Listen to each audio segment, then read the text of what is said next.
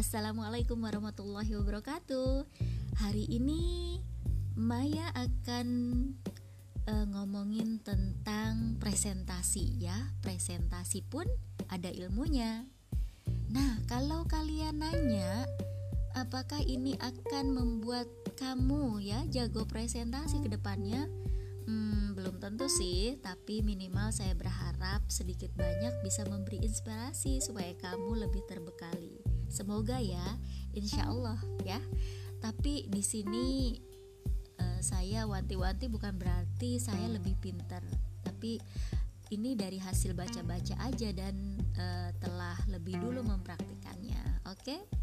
oke. Okay, yang pertama saya mau uh, memberitahu tentang rules of presentasi ya aturan dalam presentasi itu apa aja sih gitu oke yang pertama kehadiran Kehadiran dalam sebuah presentasi adalah hal yang mendasar. Semua orang pasti mengerti hal itu. Tapi sering kali dengan alasan waktu, materi presentasi itu dikirim hanya melalui email, bahkan hanya diceritakan melalui telepon. Kedua, datang tepat waktu. Klien kita adalah orang yang sibuk. Jadi, kalau mereka memberi waktu ke kamu, bersyukurlah. Tanyakan berapa lama waktu yang disediakan. Manfaatkan setiap detik waktu yang tersedia. Terlambat, selain membuat waktu kita berkurang, juga memberi kesan buruk ke klien. Ketiga, cek peralatan.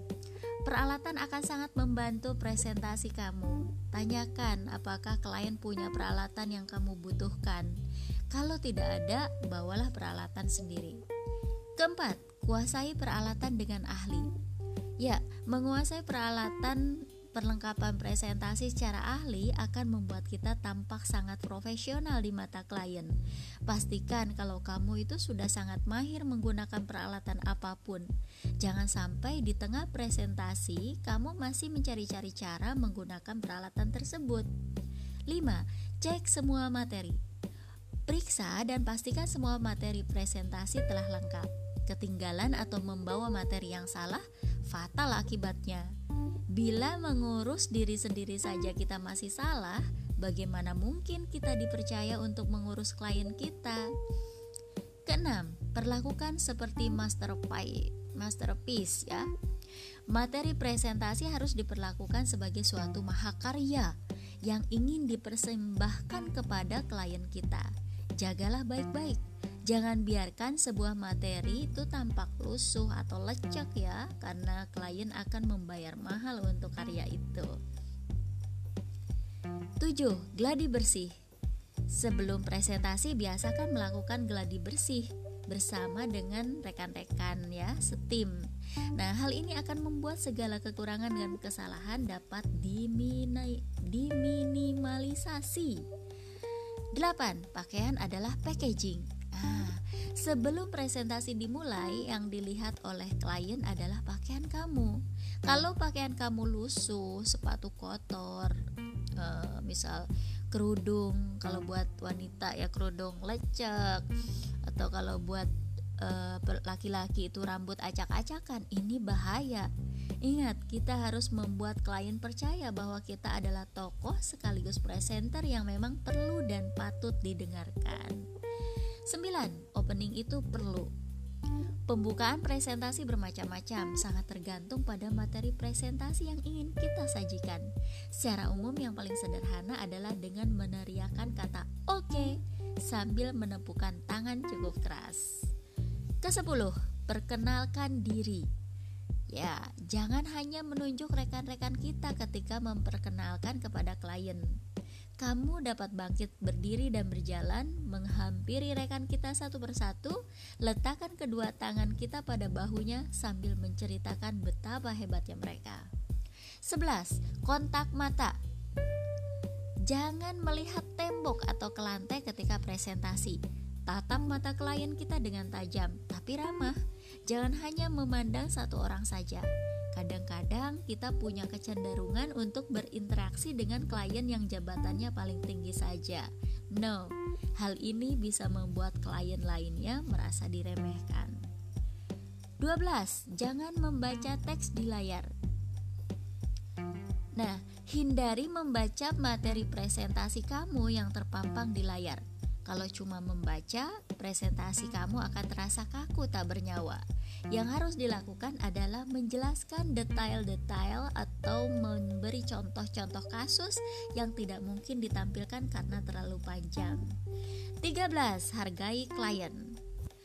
Hmm, memunggungi klien saat presentasi sangat tidak etis. Kalau kamu khawatir lupa dengan susunan materi presentasi, kamu dapat membuat catatan kecil sebagai bahan pegangan.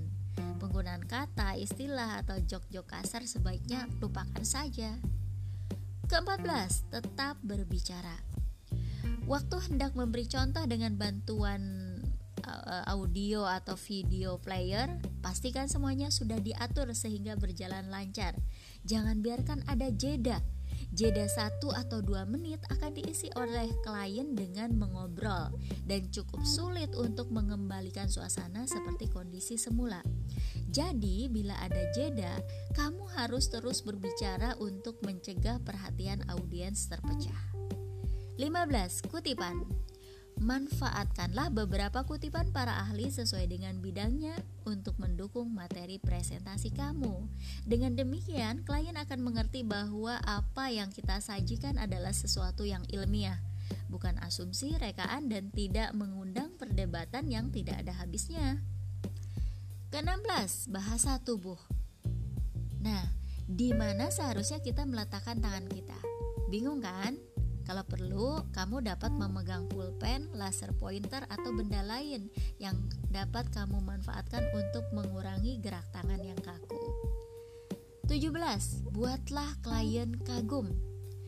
Nah, cara paling sederhana dan selalu ampuh untuk memberi impresi pada klien adalah dengan memberi lingkaran pada hal-hal yang kita anggap penting Hal itu harus ditunjang dengan kalimat-kalimat yang diberi penekanan sesuai dengan kata yang kita lingkari.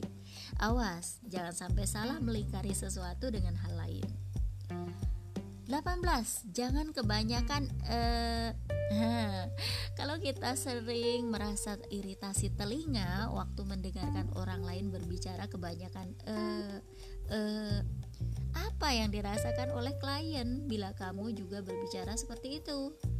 Kalau kamu merasa perlu berpikir, berpikirlah, tapi jangan uh, uh, kalau perlu diam sejenak. Setelah lebih tenang, silahkan bicara lagi.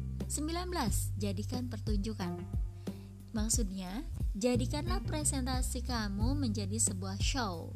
Tidak perlu malu untuk berdiri, berjalan, berlari, menari, bernyanyi, baca puisi. Kalau perlu, gunakan alat bantu untuk mendukung pertunjukan agar mendapatkan aplaus yang meriah. Kalau ada dananya, ya, bisa saja kamu memanggil pemain musik atau penyanyi. Presentasi kreatif adalah bagian yang paling ditunggu-tunggu oleh klien. 20. Ada opening, ada closing. Maksudnya apa nih? Nah, kalau presentasi dimulai dengan opening, maka tentu harus diakhiri dengan closing yang menarik pula. Sekali lagi, closing ini sangat bergantung pada materi yang disajikan. Terakhir 21 Sebut nama presenter berikutnya Ya ini kalau ada ya Akhiri presentasi kamu dengan mengembalikan waktu kepada moderator dengan menyebut namanya kalau tidak ada moderator, kamu bisa langsung menyerahkannya kepada presenter setelah kamu. Jangan lupa menyebut nama dan materi yang akan dipresentasikan. Nah, itu ya aturan dari presentasi. Sekarang saya akan me memberikan contoh sedikit uh, saya hasil pengamatan ya. Uh, bagaimana presentasi di restoran pasti pernah pernah pada makan ya makan di restoran apa di warung gitu ya Oke, ini uh, waktu itu saya ke restoran, ya datang ke restoran milik teman. Sambil menunggu sang pemilik restoran, saya melihat melihat ngelihat-lihat menu nih, sampai akhirnya seorang waiter menghampiri dan berkata, "Ya, selamat siang. Apa sudah siap untuk memesan?" Apa yang enak di resto ini? Tanya saya. Kami punya nasi goreng kambing, nasi goreng udang, nasi goreng seafood yang semua rasanya enak. Atau uh, kami bap, apa Mbak mau coba menu baru dari koki kami. Dia baru saja membuat nasi goreng dengan bumbu spaghetti. Terus saya jawab saya gak suka bumbu spaghetti saya sukanya yang rasa lokal. Eh dia jawab lagi oh kalau gitu mbak harus mencoba nasi goreng pak tani. Wait, apaan tuh nasi goreng Pak Tani? Kok baru denger? Nasi waiter presentasi nih Nasi goreng Pak Tani adalah nasi goreng yang dihidangkan dalam piring anyaman berlapis daun pisang. Dikasih lalapan dengan sambal terasi yang dihidangkan dalam cobek kecil. Jadi kalau mbak memakannya seakan-akan mbak itu sedang berada di saung di tengah sawah. Wah presentasinya sangat meyakinkan ya. Jadi tiba-tiba saya saat itu berasa li apa berasa ngiler aja gitu loh nah itu ya contoh presentasi di restoran nah coba deh yang mau usaha usaha kuliner ya Nah, jadi intinya presentasi itu adalah sebuah kegiatan untuk meyakinkan seseorang, untuk meyakini apa yang kamu yakini. Jadi, kamu harus yakin dulu bahwa yang akan kamu omongin itu adalah fakta. Kalau kamu sendiri gak yakin, pasti hasilnya kurang meyakinkan. Semua keraguan itu dapat tertangkap dari getaran suara, bahasa tubuh, sinar mata, dan sebagainya loh. Dari sini bisa disimpulkan bahwa bukan cuma seorang penjual saja yang melakukan presentasi. Ya, kayak tadi waiter di restoran pun bisa ya, harus bisa melakukan presentasi. Semua orang pokoknya ya, tidak peduli dia siapa, setiap hari dan setiap saat saat melakukan presentasi ya, entah ke teman, istri, orang tua atau ke klien. Itu harus bisa presentasi ya. Oke, itu presentasi di restoran. Sekarang presentasi di masjid. Nah, waktu itu saya eh, pas kuliah ya, kebetulan rumah tante saya itu deket masjid ya, teras berhadapan ya dengan teras masjid. Terus saya perhatikan pas khotibnya itu khutbah. Loh, kok saya merasa ada yang aneh ya gitu. Gak ada satupun wajah yang terlihat antusias dengerin omongannya khotib. Yang terlihat itu wajah-wajah ngantuk, ada yang sampai merem-merem dengan kepala terangguk-angguk, ada yang tidur beneran, ada yang ngobrol, bahkan ada yang nunduk lewat HP ya pak baca HP gitu ya lihat HP-nya terus saya coba mendengarkan materi khotbah itu. Hmm saya sih gak bisa menyalahkan jemaah masjid itu ya. Khotbah yang disampaikan sangat monoton.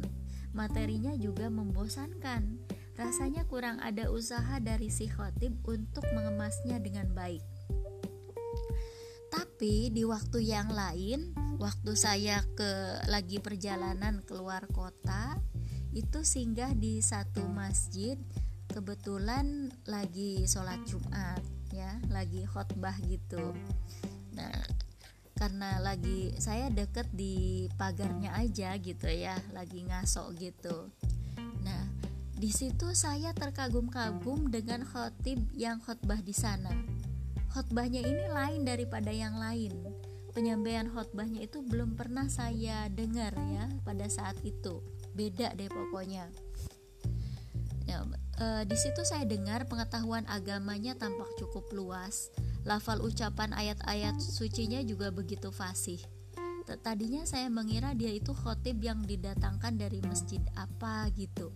Tapi gini loh dengar e, yang masih saya ingat. Saudara-saudara sidang Jumat yang dimuliakan oleh Allah Janganlah kita menjadi sombong hanya karena kita bisa menciptakan iklan yang bagus. Ciptaan kita tidak ada seujung kuku dari ciptaan Allah. Lihatlah jagat raya ini sebagai buktinya. Itulah ciptaan Allah. Jangan pula kita merasa sombong karena kita bisa menciptakan naskah iklan terbaik. Copywriter terbaik tidak ada yang lain kecuali Allah Subhanahu wa Ta'ala. Kalau tidak percaya, lihatlah copywriting Allah dalam Al-Qur'anul Karim. Dan jangan sekali-kali menjadi congkak karena kita bisa meraih gelar the best of the best di lomba iklan citra pariwara yang namanya the best of the best hanyalah Allah Ta'ala saudara-saudara sidang Jumat yang dirahmati oleh Allah begitu ya kira-kira begitu ya cuplikan dari khotbah itu Nah, jadi ini kayaknya orang periklanan gitu. Nah, semua jamaah bersemangat sekali mendengarkan khotbah ini. Mengapa? Karena materinya tersegmentasi. Khotibnya mengetahui bahwa semua jamaah adalah orang iklan, sehingga dia memberikan contoh-contoh dan istilah-istilah dalam periklanan. Semua jamaah merasa dekat dengan istilah tersebut, merasa apa yang disampaikan adalah dunia mereka. Hebat kan? pendekatan sepele tapi membuat materi khotbah yang sederhana tiba-tiba menjadi sangat menarik gitu ya jadi pada saat kita khotbah pun itu adalah uh, presentasi gitu ya nah, untuk presentasi itu uh, tips lainnya ya presentasi harus powerful nah presentasi adalah usaha kita untuk menjual sesuatu. Kita kan ingin ya klien membeli apa yang kita jual. Tuh caranya tentu memengaruhi mereka bahwa apa yang kita jual itu bagus dan layak dibeli. Jadi harus maksimal banget gitu ya seperti di uh, tadi deh dengerin lagi uh, rules of presentasi tadi ya yang ada di depan terus ini uh, terakhir ya terakhir uh, kalau kalau kita lagi presentasi, maka sebaiknya kita harus berdiri karena kamu akan menjadi lebih tinggi dari audiens. Pada saat presentasi, kamu mungkin akan berhadapan dengan klien multinasional yang super kaya. Bayangkan kalau kamu berhadapan dengan presdirnya yang kolong apa konglomerat gitu. Ya, jabatannya yang jauh lebih tinggi dari kita. Mereka jauh lebih kaya, lebih wangi, lebih berharisma Nah, situasi seperti itu akan membuat nyali kamu ciut, membuat kamu merasa nobody, membuat kamu merasa kalah merasa, sebelum bertanding.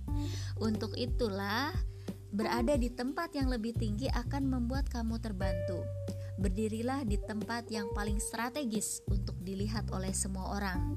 Umumnya, posisi di tengah adalah yang terbaik. Cara berdiri harus tegak dan tampak kokoh.